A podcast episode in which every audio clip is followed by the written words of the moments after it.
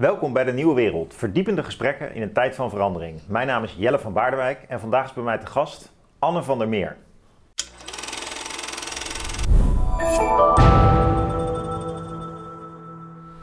Anne, leuk, leuk dat je hier eindelijk bent. Ja, eindelijk. Wij praten al langer met elkaar. Je bent ook een frequent kijker van de Nieuwe Wereld. Zeker. Een fan kan ik wel zeggen. Van het eerste uur, ja. Jij bent verslavingsarts in opleiding. Ja. Recent gepromoveerd in de, of onder andere op het terrein van de immunologie en de infectieziektes. Mhm. Maar je bent niet zomaar een medische jongen, maar ook een ondernemer. Je hebt jarenlang eh, tafelvoetbal, eh, ja, tafelvoetbalsystemen verkocht, verhuurd in Nederland. Hè? Dat is een rare, rare kant aan jou, dat je en ondernemer bent in tafelvoetballen en eh, dus in die medische wereld zit. Zeker. En dan op een dubbele manier, want de immunologie zou ik niet direct associëren met een verslavingsarts. Nee, die echt met mensen werkt die een heroïneverslaving hebben. precies. Ja. Hoe, hè, dat lijken drie hele aparte gebieden. Aan de ene kant dus immunologie en geneeskunde en eh, wat doet dan opeens tafelvoetballen daar en dan als laatste nog die verslaving. Wat zijn dat? eh, Is daar een, een, hè, een rode lijn doorheen te trekken? En dan zeg ik ja. Het gaat allemaal om eh, kwantiteit en kwaliteit van leven. En de immunologie eh, ja, proberen we het immuunsysteem zo goed mogelijk te begrijpen om, eh, om mensen langer te laten leven en gezonder te laten leven. Eh, tafelvoetbal, dat is een, een guilty pleasure van mij. Het is hetgene waar ik zet mij achter een voetbaltafel en ik heb de tijd van mijn leven. Ja, het is Ja, gewoon, Mooi. ja, en dat wilde ik gewoon verspreiden Ja. onder zoveel mogelijk mensen. Pas jij schijnt wel ook de, de beste tafels te verspreiden. In, Ja, dat moet niet, eh moeten geen speelgoedtafels zijn. nee. Het, idee het is ooit begonnen als een, eh, als een hobbyclubje. Eh, gewoon een paar voetbaltafels bij elkaar en dan eens in de week bij elkaar komen. Eh, maar toen had ik al gelijk het idee, dit moeten we door het hele land eigenlijk in elke stad doen. En daar is uit voortgekomen dat ik op middelbare scholen neer ging zetten. Want ik zag gewoon te weinig scholieren die ook bij die club kwamen. Omdat die scholieren deden niks anders meer dan achter hun telefoon zitten. Toen dacht ik, nou, dan, als Mohammed niet de- naar de berg, dan komt de berg naar Mohammed. Ik, ik, ik ga gewoon die voetbaltafel weer op die scholen neerzetten. Ja. En dat, eh, dat is dat bedrijf geworden. Ja, gaaf. Je hebt het ook wel weer afgesloten, hè? want je zit nu... Je bent vooral een opleiding als arts. En Ja. je, hebt, je hebt nog even een promotie geschreven ondertussen. Je, Ja. bent- je bent 39? Eh, ja, ik moet altijd even denken. Ja, Het is maar een getal. Ja, ik ook. Ja, het is maar een getal. Nou, we gaan het ook hebben over ouderdom, hè? Ja, dat is dan de vierde. Dat is jouw toekomstige interesse. Ja, dat, dat was al vanaf het begin van mijn promotieonderzoek mijn interesse. Want het eerste wat ik deed was een onderzoek naar een eh, ja, small molecule, een experimenteel eh, medicijn om het immuunsysteem eh, te remmen. Maar dat, was, ja, dat medicijn is eigenlijk ontwikkeld als een verouderingsmedicijn. Hm. Maar omdat veroudering door de instanties zoals de FDA niet als eh, ziekte worden ge- werd gezien, konden ze dat dus niet als. eh ja, moesten ze een andere applicatie zoeken. En een van de side effects van dit medicijn was dat het immu- immuunsysteem remde. En ik was de eerste die dat in eh, gezonde vrijwilligers ging testen. Eh, en toen ik eenmaal ja, in dat onderzoeksveld wat, wat dieper in, toen is eigenlijk tijdens mijn promotie mijn interesse ook voor die veroudering eh, steeds eh, groter geworden. Maar jij bent de eerste dus die aan het testen is geweest hoe je veroudering kunt afremmen. Begrijp ik dat goed? Nou, even helemaal terug. Je hebt sirtuin-eiwitten. Dat zijn eigenlijk eiwitten die, die meten de, in de cel de staat van, eh, van je eh, voedingstoestand. En op het moment dat jij ongeveer 16 uur gaat vasten als mens, dan worden die sirtuin-eiwitten geactiveerd. En dan gaat er zich een programma eigenlijk in jouw cellen eh, afspelen, waardoor die cellen ja, langer kunnen leven. Dus het activeren van die sirtuin-eiwitten en de natuurlijke weg is door te vasten. En dat kennen we al veel langer. Dat is al 70 jaar bekend. Dat als je proefdieren bijvoorbeeld maar de helft laat eten van wat ze normaal eten, dat ze dan ook twee keer zo oud worden. Dus dat vasten een levensverlengend effect heeft, dat weten we. Maar ja, natuurlijk, de mens is een gemaksdier. Die wil niet gaan vasten en die wil gaan kijken Ja. ja, welke, kunnen, we die, kunnen we dit hacken? Eh, en we kwamen er toen achter eh, we zijn, dat sirtuin, dat, dat, dat netwerk van signaalmoleculen, met name sirtuin 1, als je dat activeert, dan je, krijg je dezelfde effecten. En toen is er een, voor, de, voor de mensen medicijn ontwikkeld eh, om dat eiwit te activeren. En ik was de eerste, niet die het in mensen inbracht, maar die het in een setting inbracht wat we deden, we maakten gezonde jongens maakten we ziek. Dat is heel erg ethisch klinkt dit, maar dat is een eh, bekend model. We gaven ze een, ja, een sepsisachtig beeld. Dus eh, een soort bloedvergiftiging-achtig beeld voor 10 uur. En dan krijg je een prachtige cytokinestormen, een, bekend begrip eh, bij corona onder andere.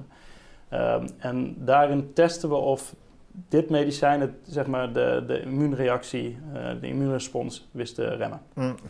Dus daar, daar begon het eigenlijk allemaal. Dat was mijn eerste proef tijdens, uh, was mijn eerste uh, artikel ook voor mijn promotieonderzoek. Spannend. En dat was, ja, dat was ook het begin in mijn interesse, want voor die tijd was voor mij veroudering een gegeven. En sinds die tijd is de, heb, kijk ik daar heel anders tegenaan. Ja, hoe bedoel je? Veroudering een gegeven? Alle mensen worden oud? Ja, en we gaan altijd... Iedereen is tot nu toe... Elke mens die ooit geleefd heeft, is ook dood gegaan. Ja. En je wordt oud en je gaat dood. Ja. Dat zeg maar hoe, hoe we er allemaal over denken. En dat is een gegeven, dat is gewoon een wet van de natuur. Ja. Daar komen we nooit omheen. Dat is ook... Eh, en jij denkt dat, dat we dat kunnen gaan manipuleren? Ja. Voordat we dat verder gaan aanpakken... Um, we gaan het ook hebben over corona. En corona mm. zelf ook uh, proberen te interpreteren als een ouderdomsziekte, als een ouderdomsverschijnsel. Ja, ja lijkt me interessant. Ja. Um, normaal gesproken interpreteren we corona meer als een virus, als iets wat um, van buiten komt, uh, mm. wat er niet bij hoort, wat we onder controle moeten zien te krijgen. En jij koppelt het in onze gesprekken vaak aan, uh, aan onszelf. Dus um, ja. is, het, is het wel zo'n vreemd virus? Of heeft het veel meer te maken met onze eigen constitutie? En precies. Kun je dat toelichten? Nou ja, je hebt eigenlijk het klassieke beeld van infectieziekte is dat je een, een, je hebt een, een pathogeen, een indringer, en je hebt de, je, jezelf, een host pathogen interactie. Dus jij reageert op een indringer. Um, en je kan, even door de bank genomen, kan je zeggen dat al die ziekten voornamelijk worden veroorzaakt door de reactie van, uh, van de gastheer. Dus hè, je hebt dan wel een ziekteverwekker, maar het is waar je uiteindelijk aan doodgaat. In het merendeel van de gevallen is de reactie van de gastheer. Hmm. En zo is het ook bij corona. Is het ook zo bij bijvoorbeeld kanker? Het is geen infectieziekte. Oké. Okay. Kun je dan nog eens toelichten hoe je dan doodgaat aan je eigen reactie? Ja, dus... Op een ziekte? Wat, nou ja, je hebt, ik, zo net riep ik al bloedvergiftiging. Hè? Uh, bloedvergiftiging is echt een, een, best wel een grote doodsoorzaak. Bijna iedereen die bijvoorbeeld aan een, longontsteking doodgaat, gaat niet aan, het, aan die longontsteking zelf dood, maar uiteindelijk aan de bloedvergiftiging. En dat zie je ook bij corona. Uh, dat opportunistische infecties bij, tijdens corona de kop opsteken en dat uiteindelijk mensen septisch worden, sepsis, bloedvergiftiging. En wat, wat, wat is dat uiteindelijk? Nou, vroeger dachten we uh, daar wat makkelijker over. Dachten, zodra de bloedbaan geïnfecteerd raakte met bijvoorbeeld een bacterie, dat je daar dan dood aan ging. Maar uh, ja, sepsis is eigenlijk de reactie van je lijf op, dat, op die bacterie. En sepsis is dan een reactie door je hele lijf heen. Dus je, je, je immuunsysteem gaat in één keer maximaal aanstaan en de, de gevolgen daarvan, daar ga je aan dood. Hmm. Ik, er schiet mij nu ook een parallel ja? te binnen richting als je het, het, maatschappij als lichaam ziet en hoe dan de maatschappij nu reageert op, nou ja, uh, op corona, ja. Ja, en op de, dat, dus de reactie kan uiteindelijk dodelijker zijn. En in, bij het geval van sepsis is de reactie op een bacterie dodelijker dan. Want bij sepsis heb je bijvoorbeeld ook mensen gaan dood terwijl de bacterie al lang weer uit hun lichaam is. Ja, ja. Dan als je ze met antibiotica behandelt en dan kan je die bacteriën al niet meer kweken, maar dan gaan mensen uiteindelijk toch nog dood aan de gevolgen van uh, de overdreven, zeg maar, overmatige reactie van hun eigen immuunsysteem. Hmm, hmm. Nu, Wel veroorzaakt door corona, hè? toch? Dus de, nou, in, in, dus, ja, in, dus in, corona, in corona heb je natuurlijk... Uh, corona gaan mensen op verschillende manieren dood aan corona. Je, je kan ook echt wel doodgaan aan uh, te weinig uh, longcapaciteit. ja. Maar ook dus aan die, en dat lijkt ook steeds meer uit de literatuur te komen, dat die, die dus ten eerste dat je eerst een corona-infectie krijgt. En omdat dat het immuunsysteem eigenlijk al bezighoudt, kunnen we eigenlijk zeggen, en het immuunsysteem verzwakt, dat er dan opportunistische, dus bacteriën waar je normaal gesproken niet ziek, of schimmels of dergelijke, waar je normaal gesproken niet ziek door wordt, dat je daar dan ziek door wordt en daar dan een sepsis op ontwikkelt en daar dan dood aan gaat. Hmm. Sepsis, uh, dus bloedvergiftiging, is uiteindelijk een hele heftige, een, ja, een, ja, zou bijna kunnen zeggen, de, ziekte, uh, de doodsoorzaak van, uh, van ja, longontstekingen. Hmm, hmm. Over het algemeen. Maar dat is... Ja, een tweede orde effect. Een tweede orde effect, ja. Ja, zo zou je het kunnen zeggen. Ja. En, en, is het nou zo dat mensen, hoe, dat hoe ouder ze worden, hoe makkelijker ze zo'n tweede orde effect loslaten? Dus dat mensen het, ja. die weerbaarheid voor zo'n ziekte, voor zo'n infectieziekte, die wordt lager. Ja. En daarmee kun je zeggen, um, het hangt samen met ouderdom. Dus oude mensen zijn, oude lichamen zijn minder goed in staat om te reageren op die uh, triggers. Nou ja, dat blijkt, zou ik zeggen. Ja, dat is dus het feit. Ja. Dat is het feit. Uh, en uh, hoe ik dat interpreteer, maar pin me daar niet op vast. Uh, wat, in ieder geval, wat je in ieder geval krijgt, dat is een, een begrip wat immunosenescence heet. Oftewel het ouder worden en dus minder effectief worden van je immuunrespons. En wat ik ja, zie gebeuren en wat je ziet gebeuren is dat als mensen dus de ziekte krijgen, dan reageert in eerste instantie hun immuunrespons of hun immuunsysteem te laat. Waardoor in dit geval bijvoorbeeld het coronavirus zich verder kan verspreiden door bijvoorbeeld de long, maar ook in de rest van het systeem. Maar op een moment dan dat het immuunsysteem aanslaat, dan slaat het ook volledig aan omdat het zich reageert op zeg maar, de, uh, de infectie die al veel verder door het systeem heen gewaard zit. Ja, ja. Dus het reageert te laat en te zwak in eerste instantie. En dan uiteindelijk als, het, als, het, als de infectie te ver doorgeslagen is, dan is het eigenlijk al te laat. En, maar dan met de reactie die, die dan ontstaat, dan, dan, dan ga je dood aan de, aan de reactie. Ja. Hm. Dus, dus, uh, maar dat is het idee van um, het ouder worden van je immuunsysteem. En dat is een van de onderliggende oorzaken waarom oudere mensen doodgaan. Andere uh, oorzaken zou zijn dat andere systemen die belangrijk zijn om jezelf in leven te houden tijdens uh, een heftige doorgemaakte, doormaakt van een infectie. Denk aan je hart-longmachine ja, het is alsof je even een marathon moet lopen als je, als je een heftige longontsteking hebt. En als je die marathon niet haalt, als die hart-longmachine gewoon niet goed genoeg meer werkt, dan verzuip je letterlijk in je eigen vocht. Dus, dat, dus eigenlijk, als je grosso modo zeg maar, de conclusie zou moeten maken, of als ik een conclusie, conclusie maak, dan zeg ik: het is gewoon de veroudering van de systemen. Uh, die normaal gesproken betrokken zijn bij zo'n ja. uh, infectie te baas zijn, die de das om doet. Omdat die systemen niet... Maar mensen sterven toch maar heel weinig aan ouderdom? Je sterft toch aan uh, hart- en vaatziekten of aan kanker of, of, of, of aan covid? Dit is de soft, soft, softball. Ja, ik, uh, heel, heel kort door de bocht zou ik zeggen dat alle ouderdomsziekten die wij beschrijven, en daar reken ik dan covid ook bij. Natuurlijk gaan er ook mensen dood, jongere, jongere leeftijd gaan er ook wat mensen dood aan COVID, maar er gaan ook jongere mensen dood aan, aan kanker of aan hart- en vaatziekten als ze genetisch belast zijn. Maar over het algemeen, door de, eh, de grote meerderheid van deze ziekten zijn, zijn ouderdomsziekten. En wat is ouderdom dan? Wat, wat... Ja, nou ja, en, en ik noem het nu ouderdomsziekte, maar ik durf dus, dus de, de wat boute stelling in te nemen dat het geen ziekte op zich is, maar dat het allemaal symptomen zijn van veroudering. Dus kanker, hart- en vaatziekten, Alzheimer, diabetes zelfs, uh, COVID, dat zijn symptomen van de veroudering. Hm. En wat is veroudering? Dat was je volgende vraag. Ja, nee, ik zit erover na te denken nu hoe je veroudering nou zelf gaat interpreteren. Ja.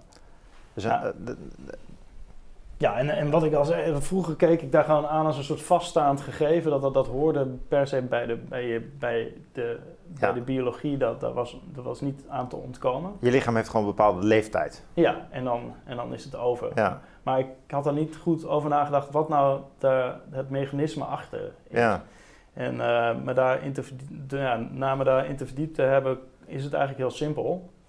Uh, en dit is iets wat, en denk je dat is zo'n simpele benadering, dat moet al heel lang bekend zijn, maar dat, dat ei van Columbus is nog helemaal niet zo oud. Uh, is dat veroudering en de achterliggende oorzaak daarvan is het opstapelen van schade in je lichaam. Ja, ja. En het is geen biologisch proces, maar een fysisch proces. Want je kan dus hetzelfde proces zien in, in alles. Dus dit, dit glas, nou ja, glas is misschien een lastig voorbeeld, maar zelfs dit glas veroudert. Maar je fiets of je auto veroudert. Dat, en de veroudering is het opstapelen van de schade binnen de machine.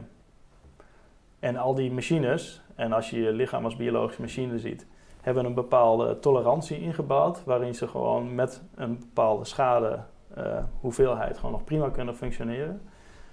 Maar er komt gewoon een kritische grens als de schade te hoog oploopt. Als je banden te veel slijten, dan, dan knappen ze. Als de ketting te verroest raakt, dan gaat hij aanlopen of vliegt eraf. En hetzelfde in je lijf. Als je te veel schade oploopt, dan ga je ziekte laten zien. Dus eh, dan krijg je diabetes, dan krijg je last van hart- en vaatziekten. Ja, dus dan eh, zitten we in een heel kwetsbaar tijdsgewricht waarin veel mensen oud zijn. Eh, die, die, in de dus westerse wereld, ja. Ja, in de westerse wereld. Die al beschadigde cellen met zich meedragen en daardoor veel minder tolerant zijn naar ziektes. Ja, maar, dan, als, je, als, je, het echt door... Want ja, als je het echt doorredeneert, dan, heb je dus een, dan, dan zou er dus zomaar weer een volgend virus de kop op kunnen steken. Dat vooral gevaarlijk is, omdat wij zelf eigenlijk al te beschadigd zijn. Ja, en, dan, want dan, hè, dan met het virus de kop opsteken vind ik sowieso een hele lastig verhaal, eerlijk gezegd. Maar daar kom ik zo meteen uh, ja, op terug. Vertel, vertel. ik, ik, wil, wil sowieso nog even terug. Als je het echt dus doorberedeneert, dan uh, op een moment dat uh, de foetus zelfs nog in de baarmoeder heeft al schade. Hè, dus vanaf, vanaf de eerste celdelingen na de bevruchting van de eicel begint de schade zich op te hopen. Huh. Dus 18 jaar oud heb je 18 jaar schade. En rond het 60ste levensjaar bij een normaal levend persoon, die, uh, dan begint uh, de schade dusdanig op te lopen dat, dat je last krijgt van. Last krijgt. Hè? Natuurlijk kan je ook de profvoetballer nemen, die hè, want dan uh, vraag je gewoon meer van wat, is normaal, wat is normaal functioneren, zeg maar. En dan begint de schade zich al te breken rond de 30ste. Dan doe je vervolgens na je 35e kan je nog doorvoetballen op de ervaring die dan compenseert. Maar daarna word je afgeschreven. En als je je lijf heel goed onderhoudt, kan je de schade misschien wat beperken. Cristiano Ronaldo doet twee of drie jaar langer, kan die door met zijn lijf. Um, maar dat heeft allemaal met onderliggende het idee van schade die zich al vanaf de, ja, vanaf de verwekking eigenlijk al aan het opstapelen is. Hm.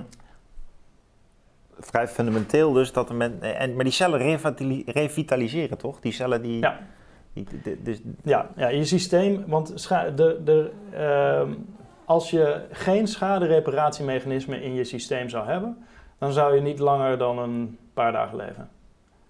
dus je hebt al een enorm zeg maar, scala aan schadereparatiemechanismen.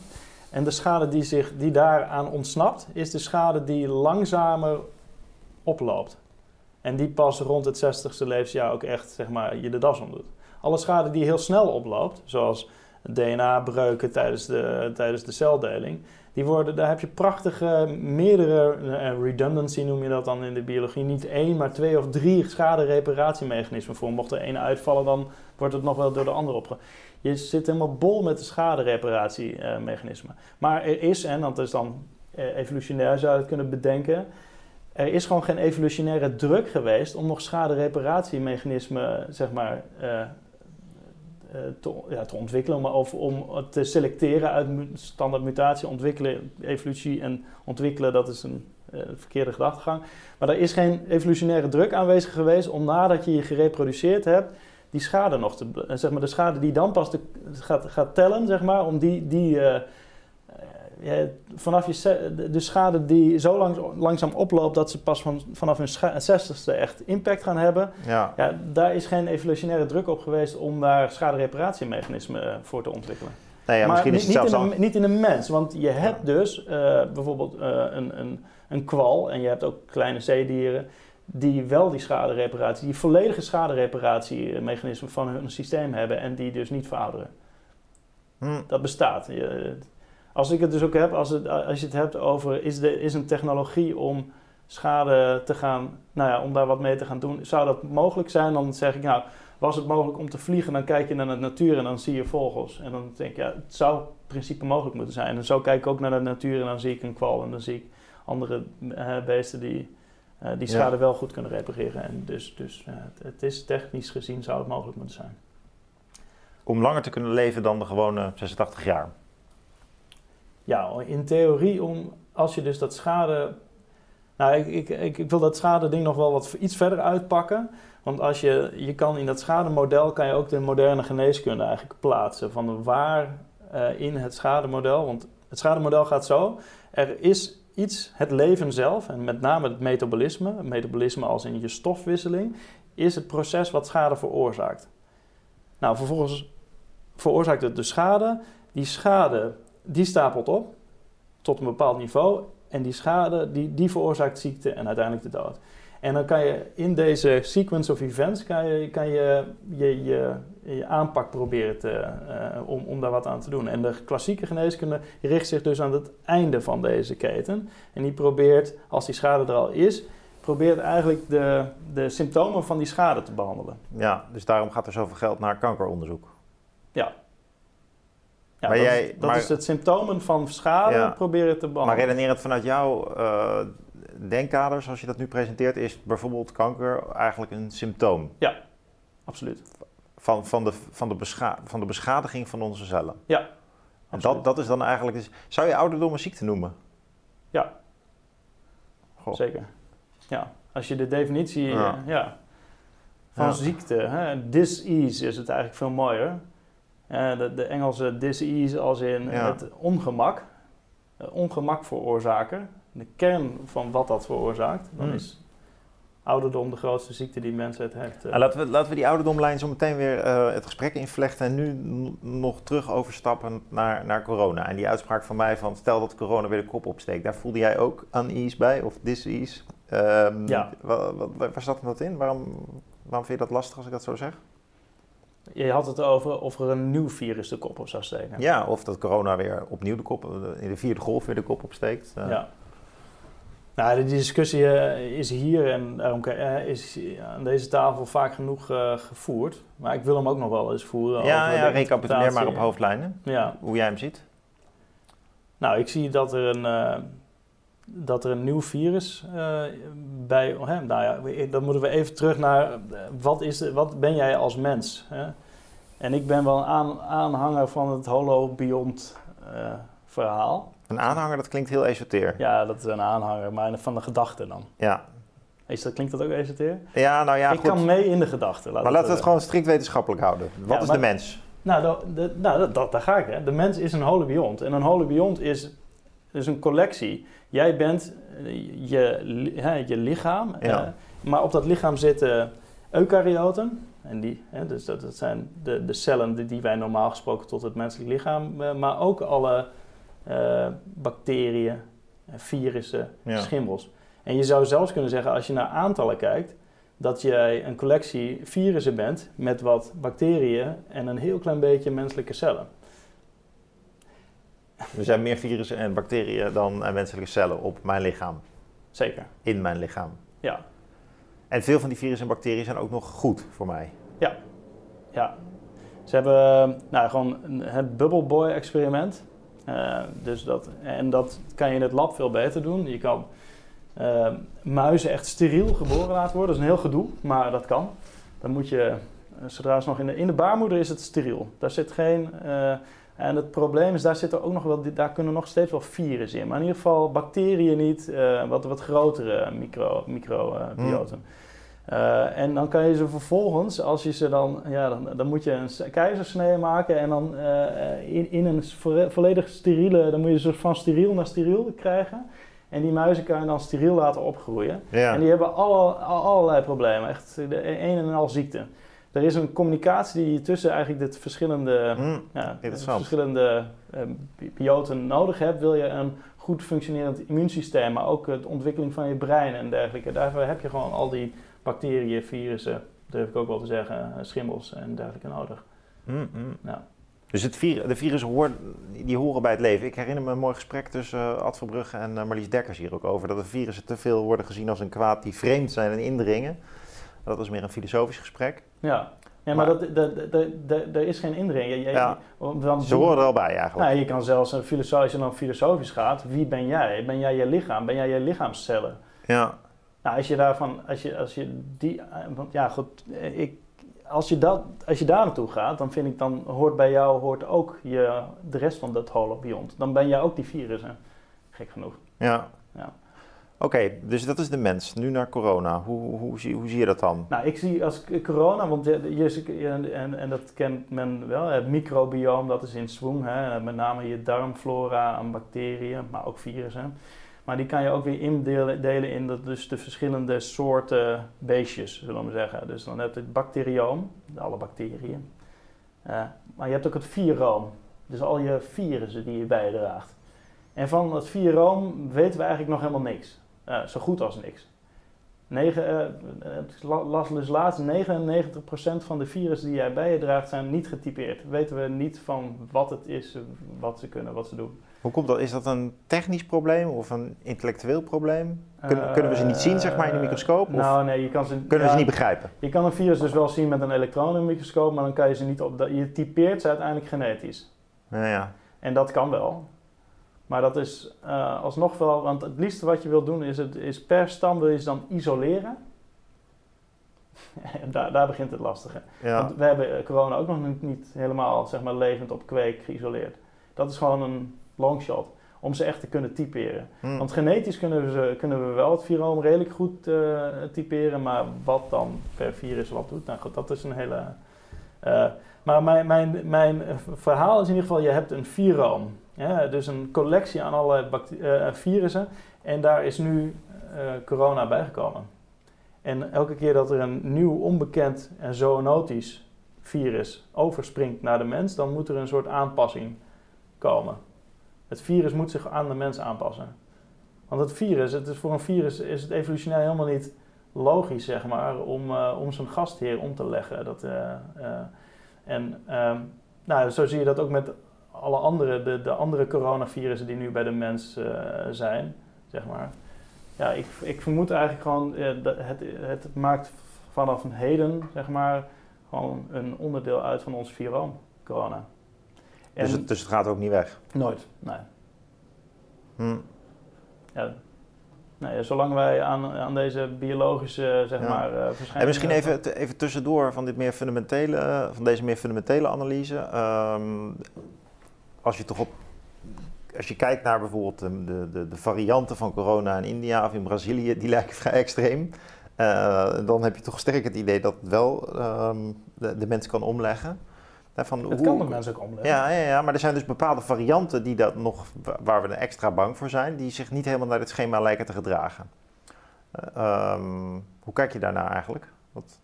Ja, ik vind Brazilië en India zijn absolute anomalieën in de data. Dus, ja? We weten er te weinig van eigenlijk. Ja, de data is niet uh, helder. En het zijn, het zijn dan net ook de plekken op aarde waar de, de data ook niet helder, uh, snel helder wordt. Omdat er gewoon slecht data vergaard wordt, zo zeggen. Dus, dus we weten niet wie er, ik, ik, wie er aan wat doodgaat. Ik, ik, heb, ik, ik vind dat een hele lastige om daar een discussie over te hebben. Maar het, eh, het, het is, eigenlijk gaat het tegen het, tegen, tegen het principe in... dat zodra er een nieuwe virusvariant de mens inkomt dat wat je over de tijd dan heen ziet, dat, dat zag je bijvoorbeeld ook bij de Mexicaanse uh, griep, is dat het virus zich dusdanig muteert en dat de mutaties die, die minder dodelijk zijn, maar wel besmetbaar, uh, besmettelijker zijn, dat zijn de, die, een evolutionair voordeel hebben en uiteindelijk zeg maar het gros van de mutaties overneemt. En ik vind het ook al heel makkelijk om te zeggen, je hebt een uh, je hebt, nou ja, noem maar welke variant dan ook.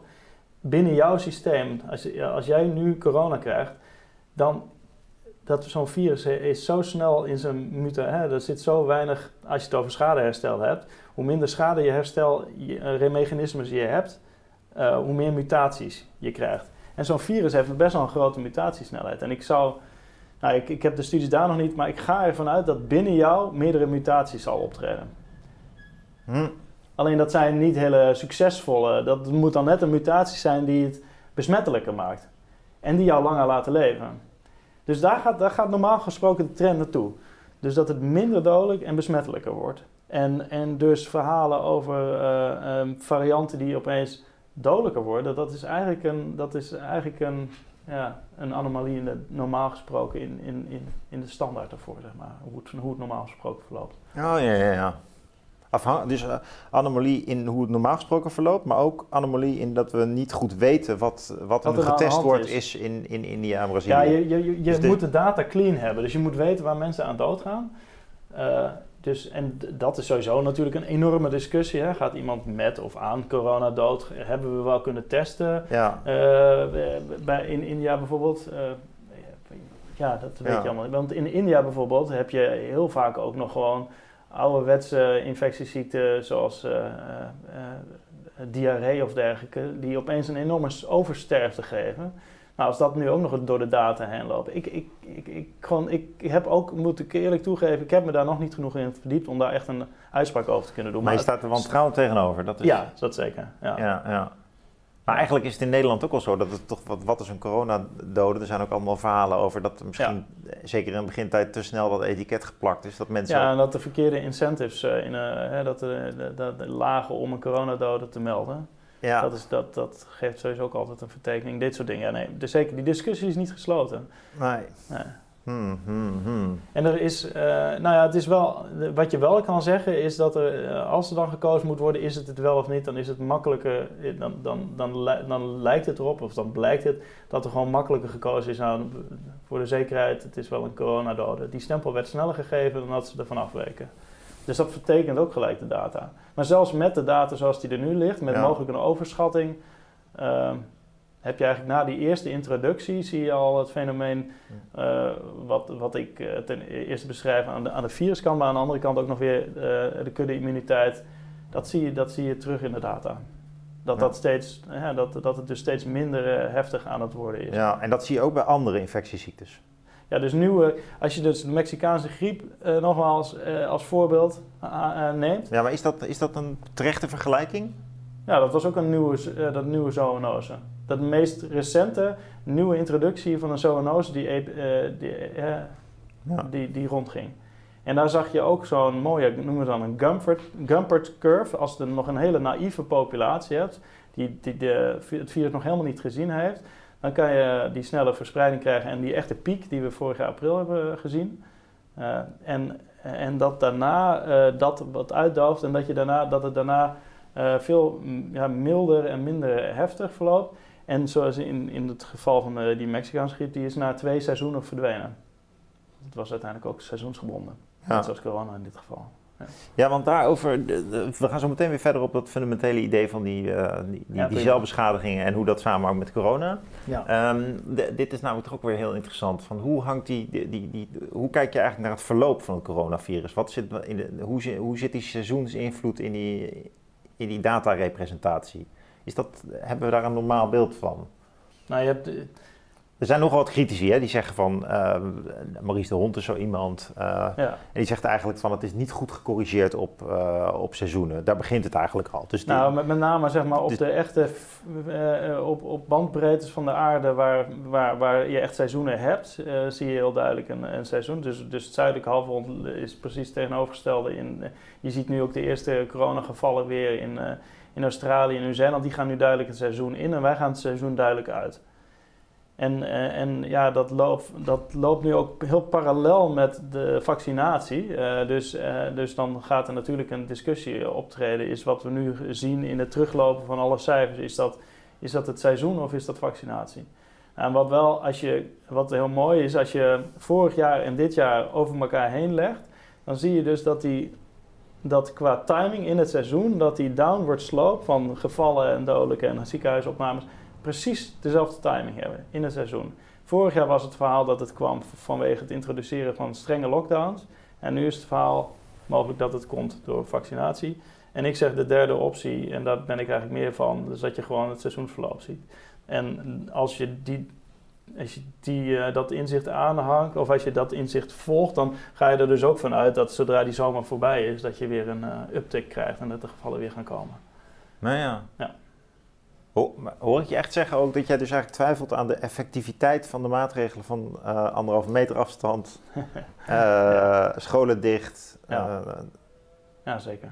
En, en, wat, en, en, waarom? Waarom? Want dat is toch, kijk, dat, dat, dat um, bedragen dat virus toch over aan elkaar? Het is toch. Ja, maar met name in huiselijke kringen. En het is de vraag. Uh, maar als je de mobiliteit verkleint, dan, dan is toch een van de effecten dat je het in huiselijke kringen ook minder overdraagt? Als je de mobiliteit uh, verkleint uh, van, van de hele populatie, dan zou je zelfs kunnen zeggen dat je de relatieve mobiliteit van de kwetsbaren verhoogt. Ja. ja. Maar goed, Wat de kwetsbaren, die moeten dan meer uit huis om Nou, te kunnen doen wat ze willen? Of de kwetsbaren, zeg de, de bejaarden en dergelijke, die waren al niet zo mobiel. En nu gaan we allemaal op hetzelfde mo- mobiliteitsniveau zitten. Waar je eigenlijk naartoe wil, is, dat zijn we toch ook, dat was, dat was ook nog in de ban gedaan. Maar het idee van groepsimmuniteit, daar willen we naartoe. Dat, dat is ook de reden waarom we nu vaccineren. Aanvankelijk, ja. Nou, ja. ook waar we, waarom we nu vaccineren. Ja, ja oké. ja, en je hebt, twee, je hebt twee routes naar groepsimmuniteit. De natuurlijke route, als in je wordt gewoon ziek, En de technische. en de technische. En eh, ja, dan is de vraag welke route is, is, is beter? De natuurlijke wilden we niet echt nemen. Nee, en waarom niet?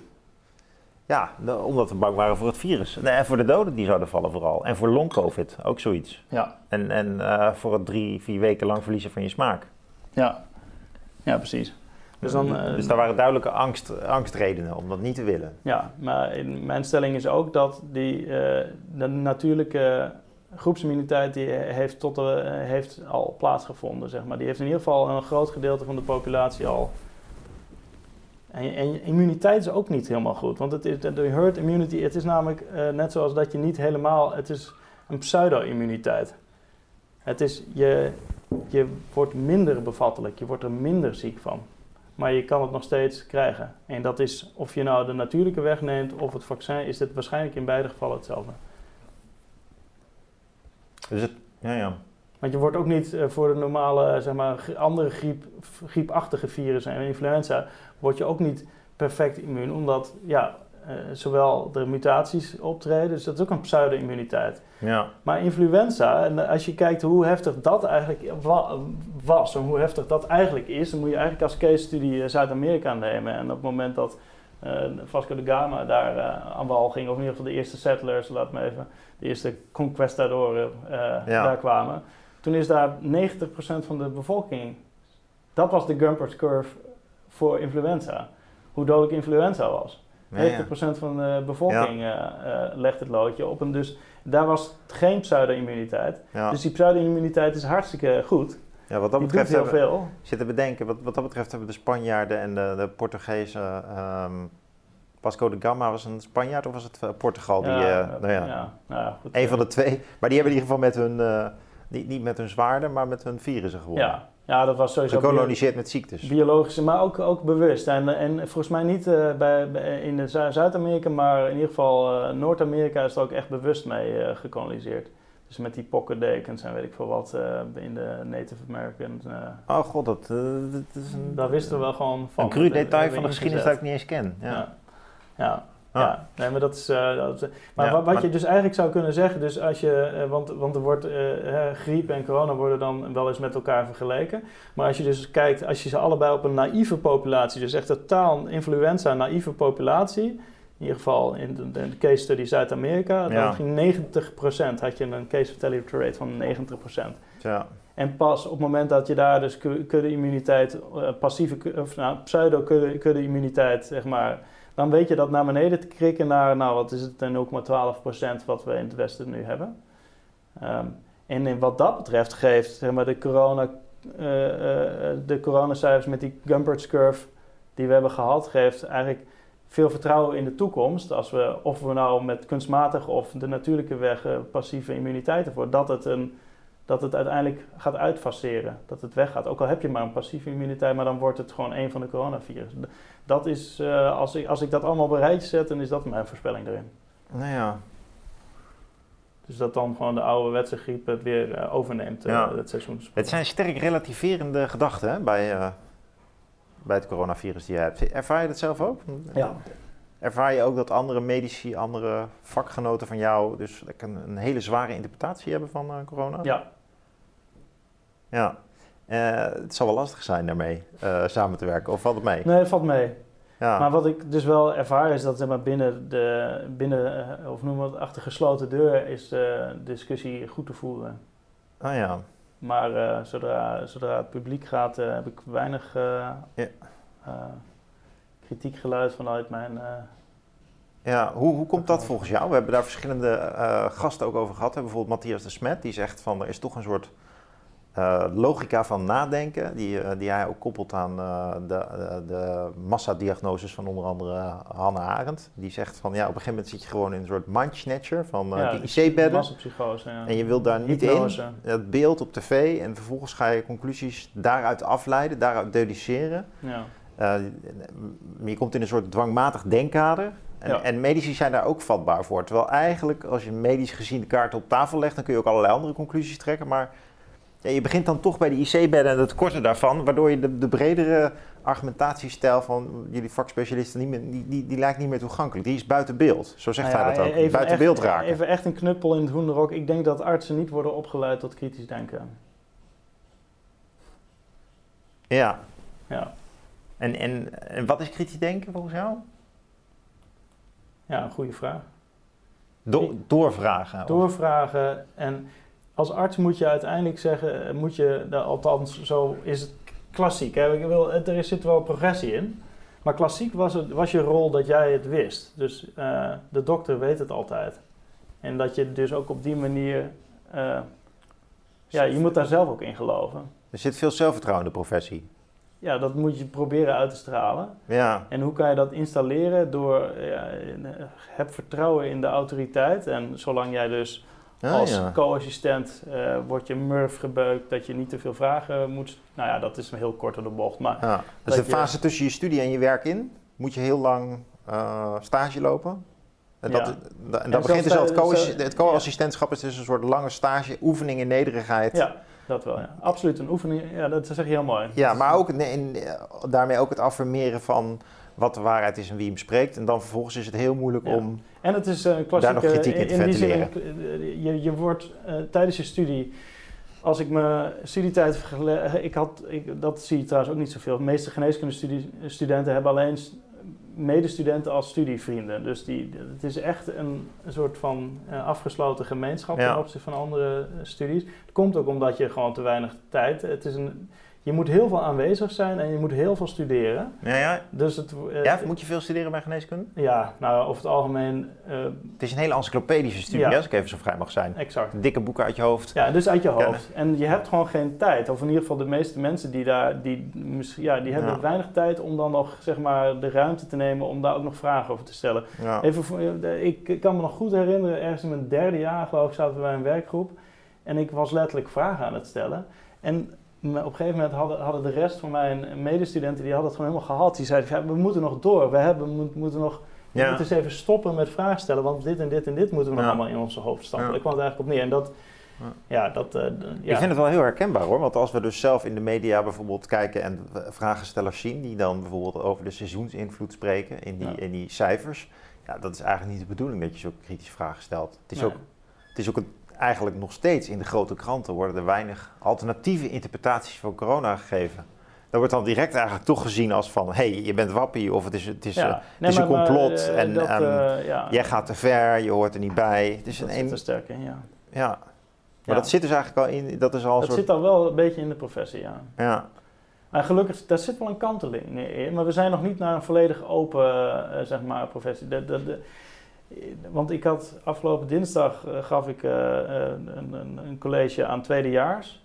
Eh, en ik merk wel dat ten opzichte van de, de, nou, het is wel confronterend, 16 jaar geleden dat ik daar zat, zit er al wel iets meer levendigheid in. En, dat, Hmm. maar Het is minder een cursus, dat zeggen ze ook wel eens van geneeskunde. ja, maar het is nog steeds een cursus.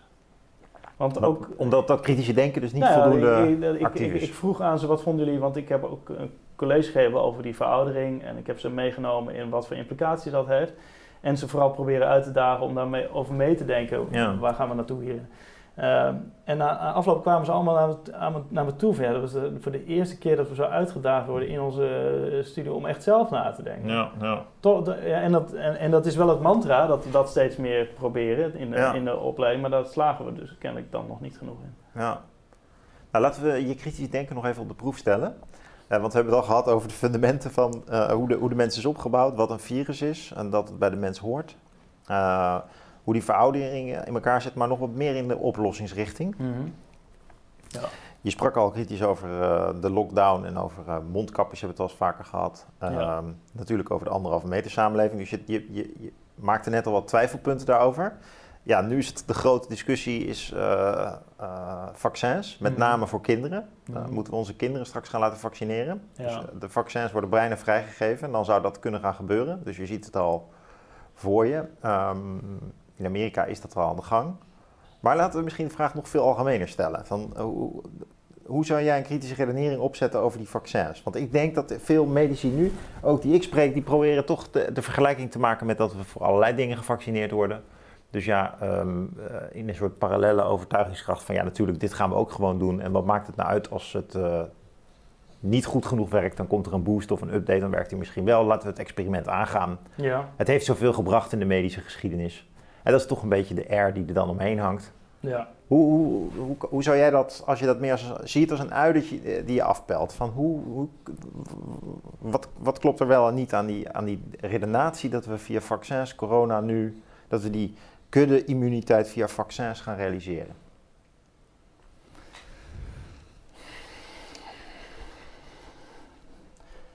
Ja, ik, ik, Kijk, dat is een best wel technische discussie. En ik, ik denk de kern van het verhaal is de, de de number needed to treat, moet je het eigenlijk over hebben. Dus hoeveel mensen moet je vaccineren om in, ja, en dan eigenlijk in het uiterste geval om één dode te voorkomen aan corona. En als je die cijfers ja, echt gaat uitdokteren, zijn, dat loopt een beetje uiteen. Maar dan ga, je richting, nou ik heb laatst een staaltje gezien, tussen de, tussen de 80.000 gevaccineerden voor één dode voorkomen en 120.000 zo ongeveer. Kan je dat nog weer even... Nou, en dat is, dat, dat achten wij in ieder geval tot nu toe, is dat absoluut niet acceptabel. Dat is eigenlijk geen, geen effect.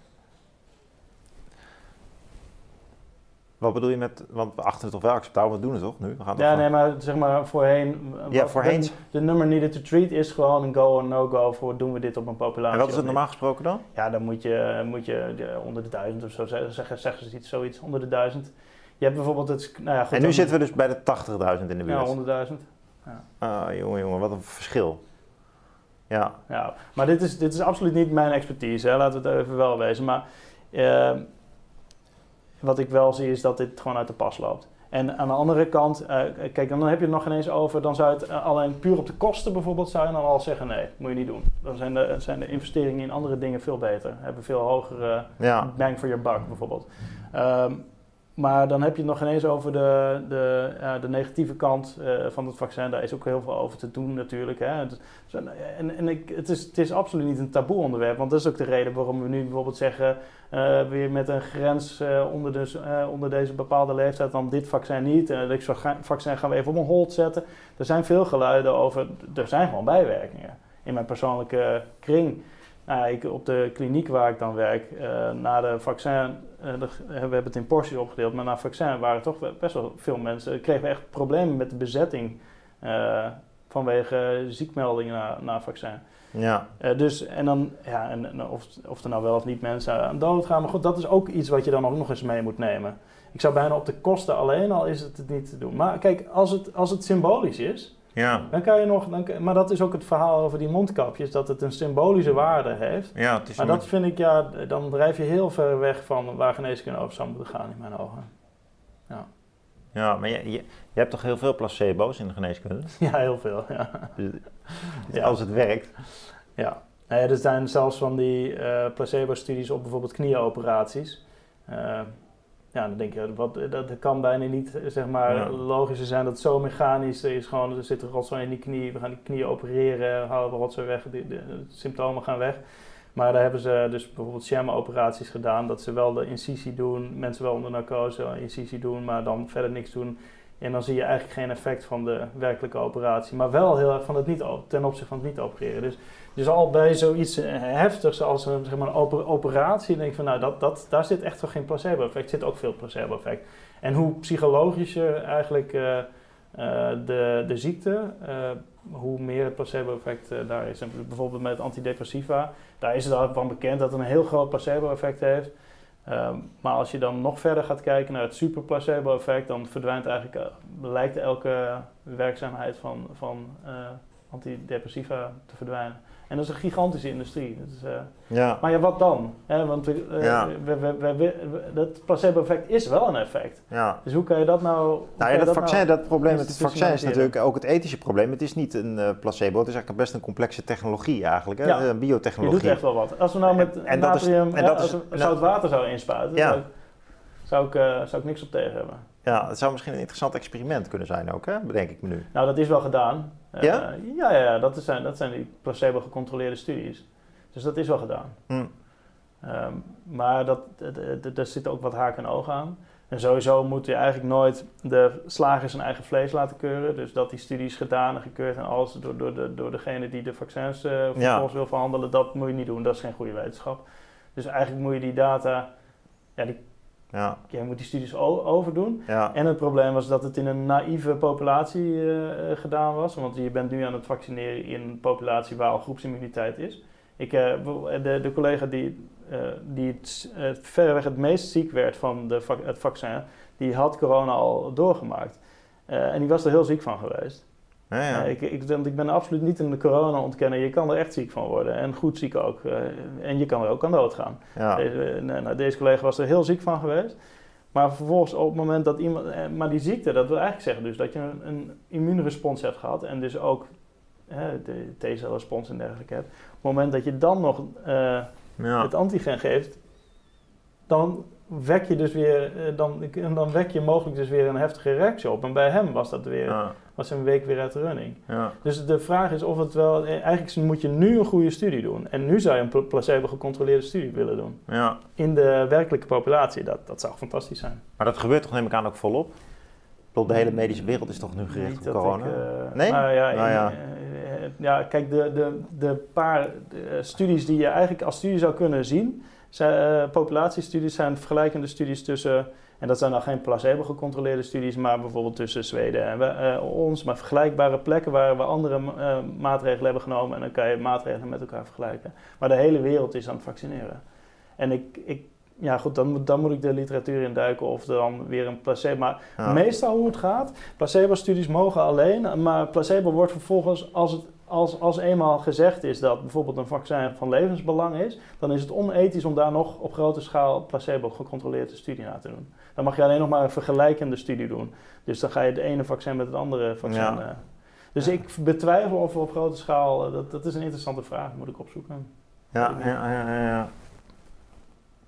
Maar er zijn wel meer medicijnen die echt eh, medicijnen die je een paardenmiddel kunt noemen hè, voor, voor de kwaal die ze willen eh, bestrijden. Dus bijvoorbeeld neem, eh, ik weet niet of die vergelijking opgaat, dus echt een vraag. Neem zoiets als ADHD en hoe we daar met Ritalin op reageren. We hebben wel, de- dus je hebt ook wel medicijnen die misschien een placebo zijn, maar toch wel heel serieus effect hebben op hoe mensen leven. Hè? Dus dat is Ja. ook denk ik wat veel mensen aan twijfelen brengt over die vaccins. Dat je toch het gevoel hebt dat het eigenlijk een zwaar middel is. Het, Is dat, is dat een begrijpelijke zorg? Gaat die parallel op met bijvoorbeeld Ritalin? Dat je, of vind je dat een... eh, Nou, nou, wat, wat, wat- Stretch. nee, dat vind, ik, dat vind ik niet per se een stretch. Maar wat, wat, wat ik kwalijk vind is dat er eh, dat mensen die daar twijfels, zeg maar, die twijfels hebben bij het vaccin, dat die niet serieus genomen worden. Dat is een kwalijke zaak. ja, Dat zou, dat zou, dat zou echt. Dat is wel, maar dat is typerend voor de afgelopen periode. ja, tegenspraak is een, Wordt, eh, is een thema geworden in de coronatijd. Ja, het is verschrikkelijk. Ja. Ja. ja, dat zal jij, wat dat betreft is moedig dat jij hier zit. Nou, ja. nou, je denkt het wel. ik, ik, heb, ik heb voor het eerst wat minder goed geslapen vannacht. eh. Ja, is dat zo? Ja, ja zeker. Omdat je toch het gevoel hebt van eh, straks kijkt iemand dit die je collega is. Nee, nee, maar de, de- zeg maar achter gesloten deuren kan, kun, kan en, de, en de achter gesloten ik, ik heb dit gesprek met iedereen die maar wel luisteren wil, maar dan heb je een gesprekspartner. Dus dan kan je, als er vragen opkomen of iemand, je merkt Ja. aan iemand dat hij het niet mee eens is, dan kan je daar gewoon uitkomen. En dan kan je gewoon, en, en in zo'n, met zo'n platform, ja, de, de, Ja, je weet niet wat mensen denken. nou, en, en je, kan niet, je kan niet een dialoog aangaan. Dus, dus dan Dat is het hele probleem Ja. nu ook. Er wordt geen dialoog aangegaan, Ja. want de dialoog wordt af- afgekapt. En dat doe ik nu dus eigenlijk aan mee om, om hier voor die camera te Nou, zitten. we hebben een, eh, een eh, sectie hieronder, de opname. Dus eh, ik wil mensen graag aanmoedigen om daarop op te reageren. En dan kun jij Ja. misschien ook weer terugschrijven. Ja. Ik, ik heb zo'n vermoeden dat mensen het heel leuk vinden om je te horen praten trouwens.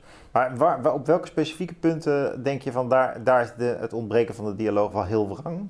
Eh, is, dat, is dat precies dat eh, twijfels over vaccin? Of wat ja. is het? eh, want het lijkt erop dat je die fundamentele fysi- fysiologische vraag, die kun je nog wel gewoon stellen. Dat valt nog te doen binnen de beperktheid van de... Nee, maar eh, over de Van de maatregelen, dat, eh, Ja, vooral die maatregelen, ja. dan, dan kon je, daar, daar mag je absoluut niet eh, eh, ja, tegen ingaan of eh, ja. vragen bij stellen.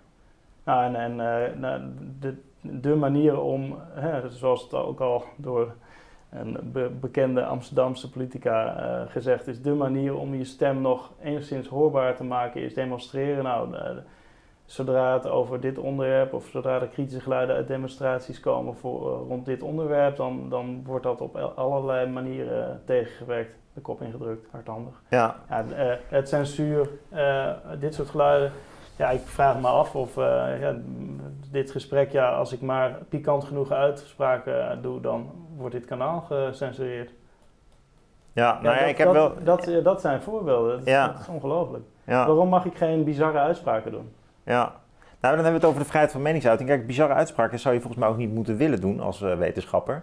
Je, je, je, je wil eigenlijk dus de, de, Je, wil de gewoon... Je wil uitgangspunten... hypotheses kunnen, eh, kunnen genereren. En hoe, hoe bizar de hypothese is, hoe, hoe, Ja. hoe interessanter vaak zeg maar, het gesprek wordt en hoe verder je komt in, Ja. in je zo- zoektocht naar de waarheid. Maar is een van jouw hypotheses, eh, eh, corona is vooral eigenlijk een, eh, een, een door de media opgeklopte ziekte? Of is het dat, en, en eigenlijk is het Ja. een, een veel, veel groter gemaakt dan het feitelijk is? Zou je zo'n zou je zo'n hypothese durven te bespreken? Of denk je van nou, nee, het is helemaal niet, in de kern is het best een groot probleem, alleen Ja. we reageren gewoon echt verkeerd op. Ja, En- en op- dat, dat laatste klinkt me wel beter. eh. Ja.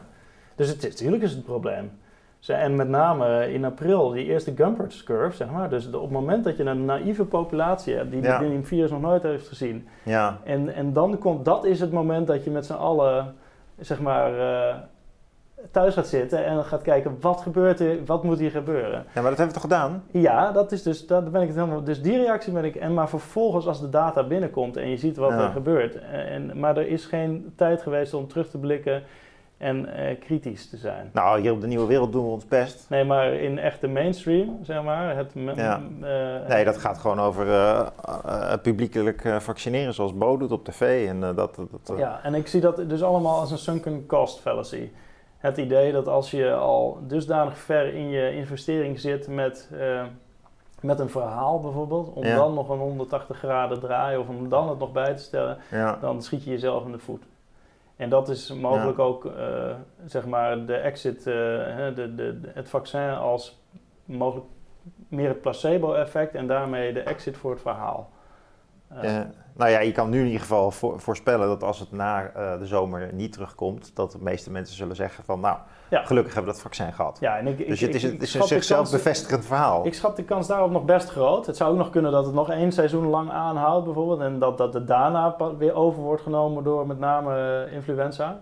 Oh ja, Eh, maar maar dat, het einde is wel in zicht, dus begrijp ik. nou, er, er zou mogelijk wel een einde kunnen komen. Maar er wordt dus... Kijk, Jij denkt dat dat een veel natuurlijkere cyclus is dan Ja. wij.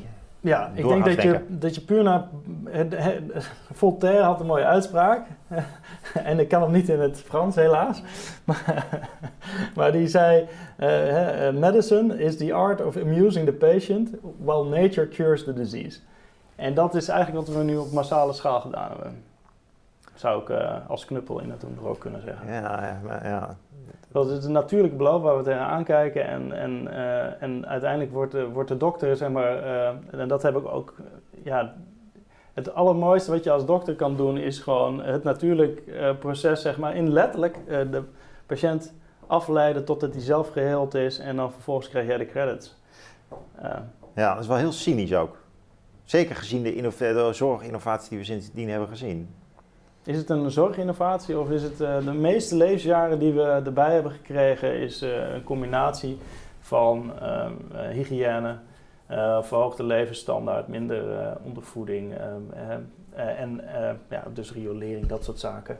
En dan een klein beetje vaccins misschien, een beetje antibiotica. Maar waar is de dokter in dit verhaal? Dat zijn technologieën, twee technologieën, drie technologieën. En, mm. en de geneeskunde zoals die nu staat is inderdaad amusing the patient, zo zou je het kunnen zeggen, als je cynisch bekijkt.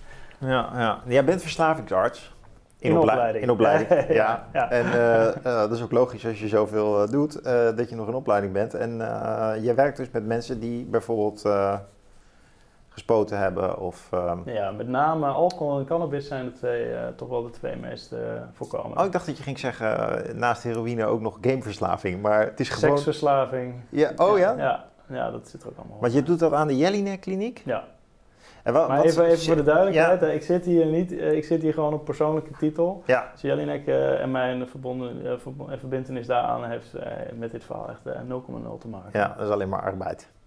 En, en wat zie je dan? En passie, maar een andere passie. Ja. Ja, nou vertel daar toch eens wat over, want ik ben benieuwd naar de raakvlakken tussen deze analyse en wat jij ziet in je praktijk als verslavingsarts. Dat, ik bedoel, het is een, een, een bizarre groep vanuit de, vanuit de buitenkant geredeneerd. En mensen die echt helemaal aan de, ja, aan de kant, aan de, aan de rafelranden van de maatschappij hangen. Uh, ik vind uh, of, of, is dat al te kritisch en te snel geïnterpreteerd? Het is uh, te kritisch en te snel. Het is een Netflix-beeld. Het is een dwarsdoorsnede van de samenleving. Je hebt ook de partners van de Zuidas. Ah ja. Goh. De snuifas. Nee, de Zuidas. Ja. ja. Oké, en die komen bij jou. En dat zijn dan meer, de, hoe, hoe werkt dat dan? Dat is de, die, die komen bij jou in therapie? Of die gaan bij ja, jou nou, en, en, ik, ben, uh, ik ben maar één radartje dan in een, uh, in een grotere machine. Het, uh, het meeste werk is psychotherapie of cognitieve gedragstherapie, moet ik zeggen. En dat zijn psychologen ja. die daar, daar het werk verzetten. En de rol als verslavingsarts is met name de voorkant. Dus mensen komen binnen nog onder invloed en nou, je hebt lichamelijke afhankelijkheid met, uh, van, van middelen. Dus hoe, de verslavingsarts heeft, houdt zich bezig met hoe stop ik met het middel. En de psycholoog met name hoe blijf ik gestopt. Dus, uh, en, en dat stoppen met middelen doe je met een detox. Dus je, je haalt mensen van hun middel af. Stel dat je zoveel alcohol drinkt dat je dagelijks moet drinken omdat je anders ontwenningsverschijnselen krijgt dan uh, kom je naar de kliniek om af te kicken. En hetzelfde geldt voor de andere middelen. Ja, en jij zit dus aan de detoxkant? Ja, met name aan de detoxkant. En je bent ook een soort algemene arts voor verslaafden. En dan zie ik de parallel naar, ik heb bijvoorbeeld kooschappen gelopen in Afrika. En daar zag ik uh, in, in, ja, in een uh, plattelandziekenhuis en dan zag je hele heftige pathologie, omdat mensen veel te laat kwamen. Die gingen eerst langs de witch doctor en dan nog langs de bush. En dan, uh, en dan was het, ja, het was twee weken lopen, of nou, twee weken onzin. Het was uh, flink twee dagen lopen richting de kliniek, zeg maar. Dus het was een behoorlijke investering. Dus voordat ze überhaupt kwamen, was die ziekte vaak al gigantisch. Dus dan zie je uh, ja, liesbreuk zo groot als een voetbal. Of nou, denken wat. Nou, hetzelfde is een beetje uh, binnen de verslavingsgeneeskunde. Want er uh, veel verslaafden die mijden zorg. En dan, ja, dan krijg je dus hele... En dat, dat doen we ook, zeg maar. De, de echte somatische problematiek die niet zozeer direct aan de verslaving uh, gerelateerd is... maar ook weer die secundaire zeg maar, effecten van, van het leven als de verslaafde. Is die, is de kliniek gewoon open geweest in coronatijd? We hebben hem uh, één à twee, uh, anderhalve maand zeg maar, op het hoogtepunt uh, is hij dichtgegooid. Hebben we ah, alle mensen op straat gezet. Oh, ja. Dat was heftig. Ja, dat is heftig geweest, ja. ja. Maar sindsdien vol open. Ah. Eerst mondjesmaat en daarna vol open. Hm, hm, hm. Ja. En in de manier waarop je dan of laat ik eerst eens zeggen van, hebben die, hebben die mensen corona gehad? Of uh, is, is, dat die, die, versla, die, die verslaafden, jullie, jullie patiënten? Nou, we hebben uh, heel weinig, uh, in ieder geval in, onder mijn hoede heeft niemand corona gehad. Hmm. We hebben best wel een hoge turnover, dus niet. Dus je zou, dan zou ik nog de conclusie kunnen trekken van we moeten allemaal aan de drugs of aan de alcohol. Dat is een goede profilaxe, maar dat, uh, ja, dat, zou, dat, zijn hele rare... Ja, dat zou wel een toevalstreffer zijn. Nou, je zou, je zou kunnen zeggen dat die mensen zich al sneller uh, isoleren, maar dat is dan weer een argument dat isolatie uh, goed is en dat je die beschermt. Terwijl dat zie je dus weer niet in de data als je de landen met elkaar vergelijkt met lockdown versus niet. Dus ik weet niet, wat, ik weet niet precies wat het is. Uh, wat, wat je wel zou kunnen zeggen is dat de populatie wat jo uh, jong is, eh, meeste mensen die Ja. nog, want het, Jelinek in ieder geval waar ik werk is curatieve verslavingszorg. Dus we, we gaan er echt voor om de verslaving nou, te genezen, zul je waarschijnlijk nooit helemaal, maar om mensen echt helemaal van hun middelen af, eh, langdurig helemaal van de middelen af te kunnen krijgen en weer maatschappelijk te reïntegreren en dergelijke. Eh, maar je hebt ook chronische verslavingszorg, dus de klassieke eh heroïne-junkie uit de jaren 80 die nog leven. Ehm, en daar, ja, daar, daar gaan we niet op mikken. Dat, dat is al honderd keer geprobeerd. Dus dan probeer je gewoon damage control te doen. Ja. En dat, zijn de, dat is de oudere populatie. Maar ook daarin hoor ik dus niet echt verhalen over dat daar Ja. eh, COVID heeft hu- huisgehouden. Ja. Dus, eh, Is het wel een praktijk binnen de geneeskunde die kritisch is naar jouw maatstaven? Want dat, dat- daar wordt geëxperimenteerd, daar zijn ze wel nou, bijzondere dingen bezig. Het is niet... Het is, je, je wordt niet verslavingsarts als je eh, vanaf eh kinds af aan altijd al de droom hebt gehad om, eh, om, Dokter te worden. dokter te worden. Nou, dat kan alsnog. Je kan, je kan nog bij zinnen komen. Nee, je kan nog uh, beide gaaien. ja. Maar nee, het is een interessante, bonte verzameling aan extraverte personen. En het kritisch geluid. Nou, het is een mooie mengelmoes. Zoals het, ik, ik vind het een zeer fijn eh, werk. eh, Ja, ja. Oké, ehm, nou weet ik dat je ook dus nog wil nog terug naar die ouderdom. En, Ja. ehm, en, en dat ook relateren aan nog een andere interesse van jou die misschien wel met verslaving te maken heeft. eh, namelijk onderzoek doen naar het bewustzijn. ja. Dus aan de ene kant onderzoek naar de beschadiging van mensen, als ik het goed begrijp. Dus of het nu een ziekte is of je gaat van nature dood. Het is eigenlijk interessant om te kijken hoe komt het dat schade zich opstapelt en hoe kun je dat misschien vanaf embryoniveau al gaan sturen.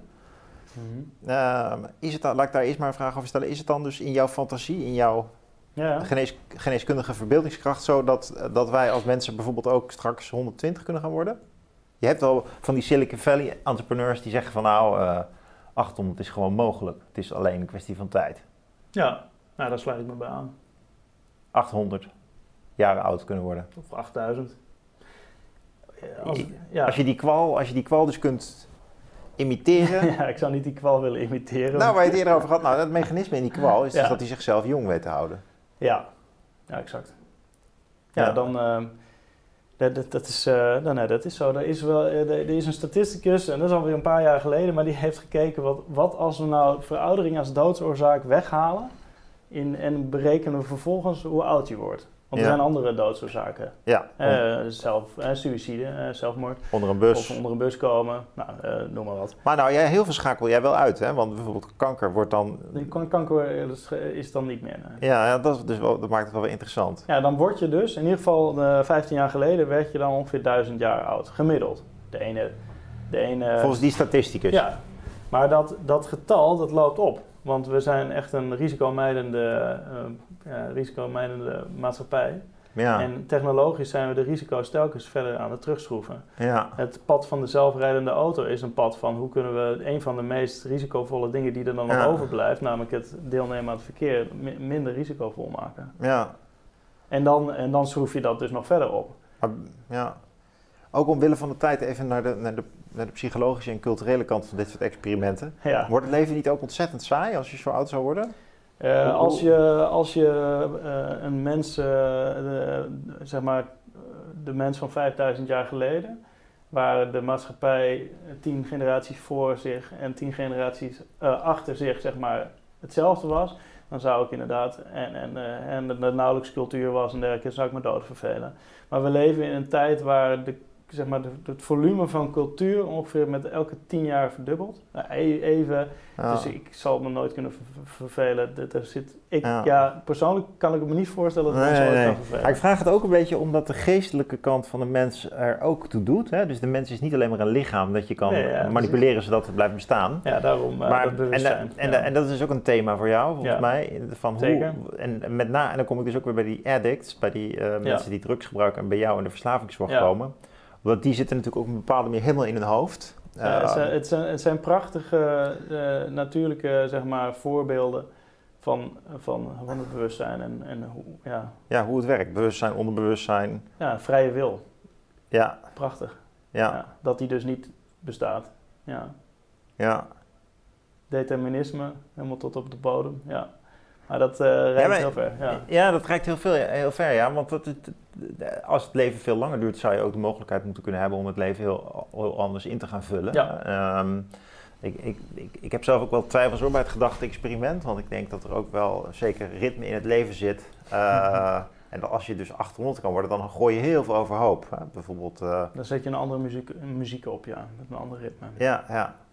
Ja, zeker. Hoe, hoe, hoe mensen bij elkaar blijven bijvoorbeeld en hoe je met je kinderen omgaat. Maar heb je naar de maatschappij gekeken de afgelopen tien jaar?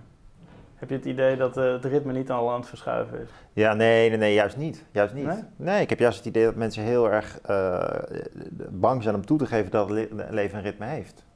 Dus Nog wel.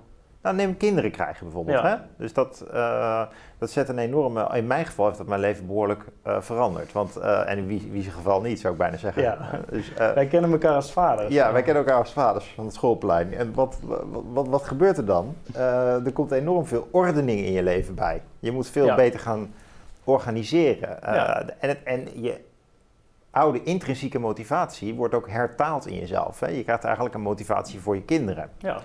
Uh, en uh, waardoor je dus soms op het schoolplein staat uh, of op het voetbalveld en denkt van ja, dit is eigenlijk wat ik nu wil. Een heel gekke gewaarwording als je vroeger gewoon allemaal andere ambities had. die worden dan heel concreet. En andere lach je er ook om uit. Maar het is wel Ja. iets wat komt met het kind. Ja. Of de liefde voor je partner, die een heel andere vorm, andere dimensie, andere verdieping krijgt ook, doordat je kinderen hebt. ja. En dat is ook met leeftijd natuurlijk zo. Hè? Dus die leeft, dat Maar hoe, leeftijd... zie je dan, hoe, hoe kijk je dan tegen dat beeld van die eh, vitale zestiger nu aan, die een tweede puberteit doormaakt? Ja, dat vind Dat ik is ook... een nieuw ritme dan, toch? Ehm, En helemaal als het echt vitaal zou zijn. En nu klaar. En nu hebben ze last van hun, eh, van hun botten. Maar stel dat, eh, stel dat ze gewoon nog net zo vitaal, sexy, libido eh, op hetzelfde niveau als toen ze 18 waren. Ik, ik, ik Ja. zie niet in dat je... ja, nee. En, en je kan ook... Je kan ook Nou ja, hun, tij- hun tijd is geweest, denk ik ook wel. En ik denk Ja. ook dat, ja, en ik denk ook wel dat het, eh, ja, dat klinkt een beetje hard, maar de, eh, de, de schaarste hoort ook wel bij het leven. En om het nog eens op een andere manier te zeggen, ik denk ook dat de, de, de, de, de, de, pijn en het vervelen en het, eh, en de, eh, ja, misschien dus de, de, de, de lichamelijke tegenslagen, die, ho- die, die brengen een eigen wijsheid. Die zijn niet alleen maar negatief. Nee, zeker niet. Dat, eh, dat, Nee, dus, de, maar, maar als je de, dat dus hedon- gaat... de als je- hedonist die totaal geen diepgang heeft, ja, dat is... Ja, eh, ja. En soms is het ook zo dat mensen juist door tegenslag, maar ook bijvoorbeeld door het krijgen van kinderen of het verliezen van een ouder of verliezen van hun baan, ook op een bepaalde manier beter, Ja. beter is een rare categorie, nee, maar maar, weerbaarder. ja, weerbaarder worden. Door, door eigenlijk de tegenslag weerbaarder worden. Ja, maar En dat is dus het gevaar Maar de, die- de dood is geen tegenslag, maar dat is de nekslag. Dat is het einde. Ja, ja. Maar goed, de dood is niet, komt niet als een, eh, voor veel mensen althans, komt natuurlijk niet als een duveltje uit een doosje, maar eh, is het resultaat van een eh, manier van leven en voel je al aankomen. hè. Ja, maar we gooien nu Tenzij de- je dus sterft aan veroudering, maar daar zijn maar heel weinig maar mensen die als we, als we dat echt zouden hebben, dan zou, zou je dus zeggen, niet zeuren, ga dood en we gooien de maatschappij niet op slot. Ja. Kijk, want dat is waarom we nu de hele maatschappij op slot zetten. Juist Ja. om deze angst. En ik denk dat de angst Ja. gegrond is, want de dood is... eh, ik, wil, ik wil ook nog verder als ik 80 ben. Ja. En ik wil graag eh, zo gezond mogelijk verder. En wat is dan gezond? Het liefst zou ik dan een 18-jarig lijf hebben. ja, ik vind dus het offer voor de jeugd te groot. Dus ik, ik snap niet waarom we onze eh, de hele maatschappij in een lockdown stoppen, Ja, waarin alle mensen van onder de 40, onder de 50 zich ook op moeten Ja, dat aanpassen. is ook totaal niet te verkopen. Nee. Nee. Maar eh, daar- daar zijn we het wel over eens hoor. Dat is, eh, Ja. Maar, dus even, even, even, even terug, want ik denk, eh, zeg maar, voor veel mensen is dat leuk, dat verhaal over die veroudering. Eh daar kan je over filosoferen. Nou, dat is inderdaad ook een vraag. Is het filosofie of is het gewoon... Hoe wetenschappelijk is dit, Anne? Ja, zeer wetenschappelijk. Ja. Het is, eh, de, de, de- het, het, eh, nou, eigenlijk moet je de onderliggende, en nog even de onder, onderliggende mechanismen zeg maar, van het verouderen. Dus de, het verouderen, dat, zie, dat is niks anders dan het opstapelen van schade. Eh, en uiteindelijk, de, het ei van Columbus is dat je die schade gaat repareren. En dat, hè, we, hebben die schade getypeerd, kan je in eh, zeven categorieën even, eh, het is een beetje hoe je het, maar we hebben de schade wel redelijk op op de korrel. En hoe kunnen we die schade nou allemaal repareren? Nou, dat is, de dat is een combinatie uiteindelijk van eh, gentherapie en stamceltherapie. En dat zijn nou net de therapieën die enorm in de lift en exponentieel zich aan het ontwikkelen zijn. En uiteindelijk, eh, de proof of the pudding is in the eating. Misschien heb ik helemaal geen gelijk, maar mijn voorspelling is dat we dat in ons leven mee gaan maken. Wij in ons leven nog. Ja, Dus wij in ons leven gaan nog gentherapie, ja, stamceltherapie doen we, ja nee zeker. Gentherapie is al in de mensen. We hebben al die, eh, die, die baby, eh, eh, die Chinese baby. Die met CRISPR-Cas9, eh Ja. die eh, de- tweeling moet ik zeggen. Maar dan, wordt, het- dan, wordt, Dus dan, de wordt, deur is al open. dan, dan zijn wij de Forever Young generatie. Zou kunnen. Nou, Forever Young, ik denk, eh, we worden sowieso biologisch eh, een jaartje of 60, 70, 80, misschien wel ouder. Misschien gaan wij ook nog wel dood en zijn het onze kinderen die... Ja. eh, die Dus- maar uiteindelijk... eh, Er zit natuurlijk een soort historisch flipje in. Namelijk als wij een klein beetje weten te verjongen, dan gaan we weer wat langer mee. En dan zou je dus die techniek kunnen... dat eh, heet eh, Longevity Escape Velocity in het veld. ja, ja. Ja. Het is ook wel... het klinkt ook wel een beetje als een droom, hè? Het is ook een droom. Ja. Maar ik, en jij, voor jou is het een nachtmerrie en voor mij is het een droom. Maar Nee. dat maakt, ik, ik, denk dat... Voor mij is het geen nachtmerrie. Ik denk dat jij onvoldoende de schaduwzijde van zo'n... eh, Ja, van, van, zo'n historische omzet. Ook evolutionair gesproken denk ik dat wij niet toegerust zijn om dat aan te kunnen. Dus het zet allerlei verhoudingen onder druk. Dus het, is, het is gewoon een enorme revolutie. Stel dat, mensen, stel enorme dat mensen twee keer zo oud zouden worden, dat is al een... enorm revolutie. Kijk, neem de- alleen al kleine dingen zoals de huizenmarkt.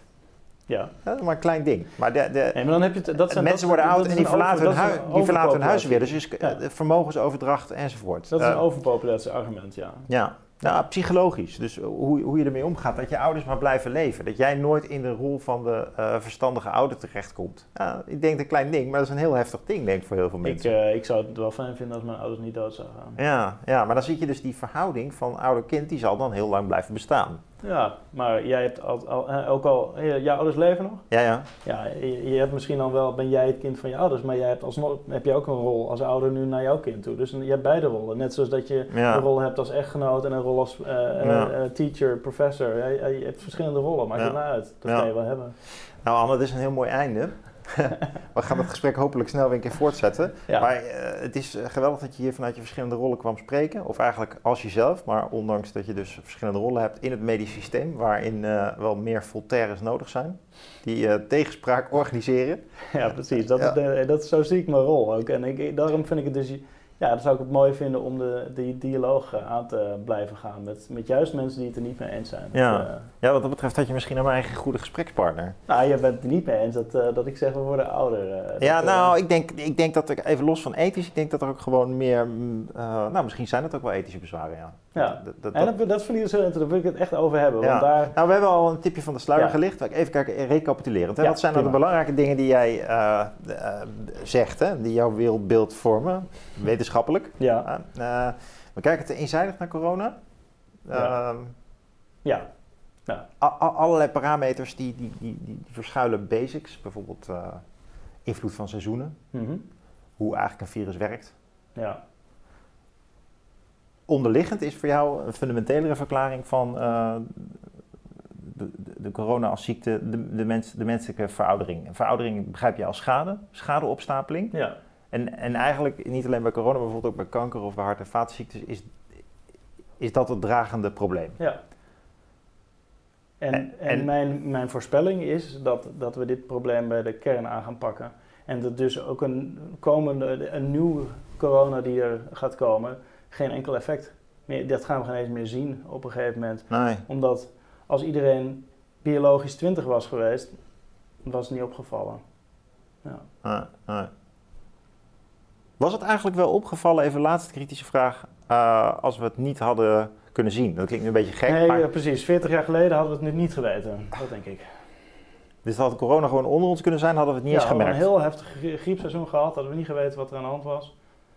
Maar, dan was dat, maar, maar die heftigheid was nog niet zo groot dat we dan met allerlei eh, grote theorieën waren gekomen. Dan Nee, ja, dan nou, dat- gewoon kijk, daar waren de ziekenhuizen dus wel echt overstroomd. En dan waren er noodhospitalen en dan waren misschien wel korte lockdown of wat dan ook. Maar, dat- maar zelfs dat betwijfel ik. Ja, ja. Ja, Anne, dank dat je hier was bij de Nieuwe Wereld. is goed. Dankjewel.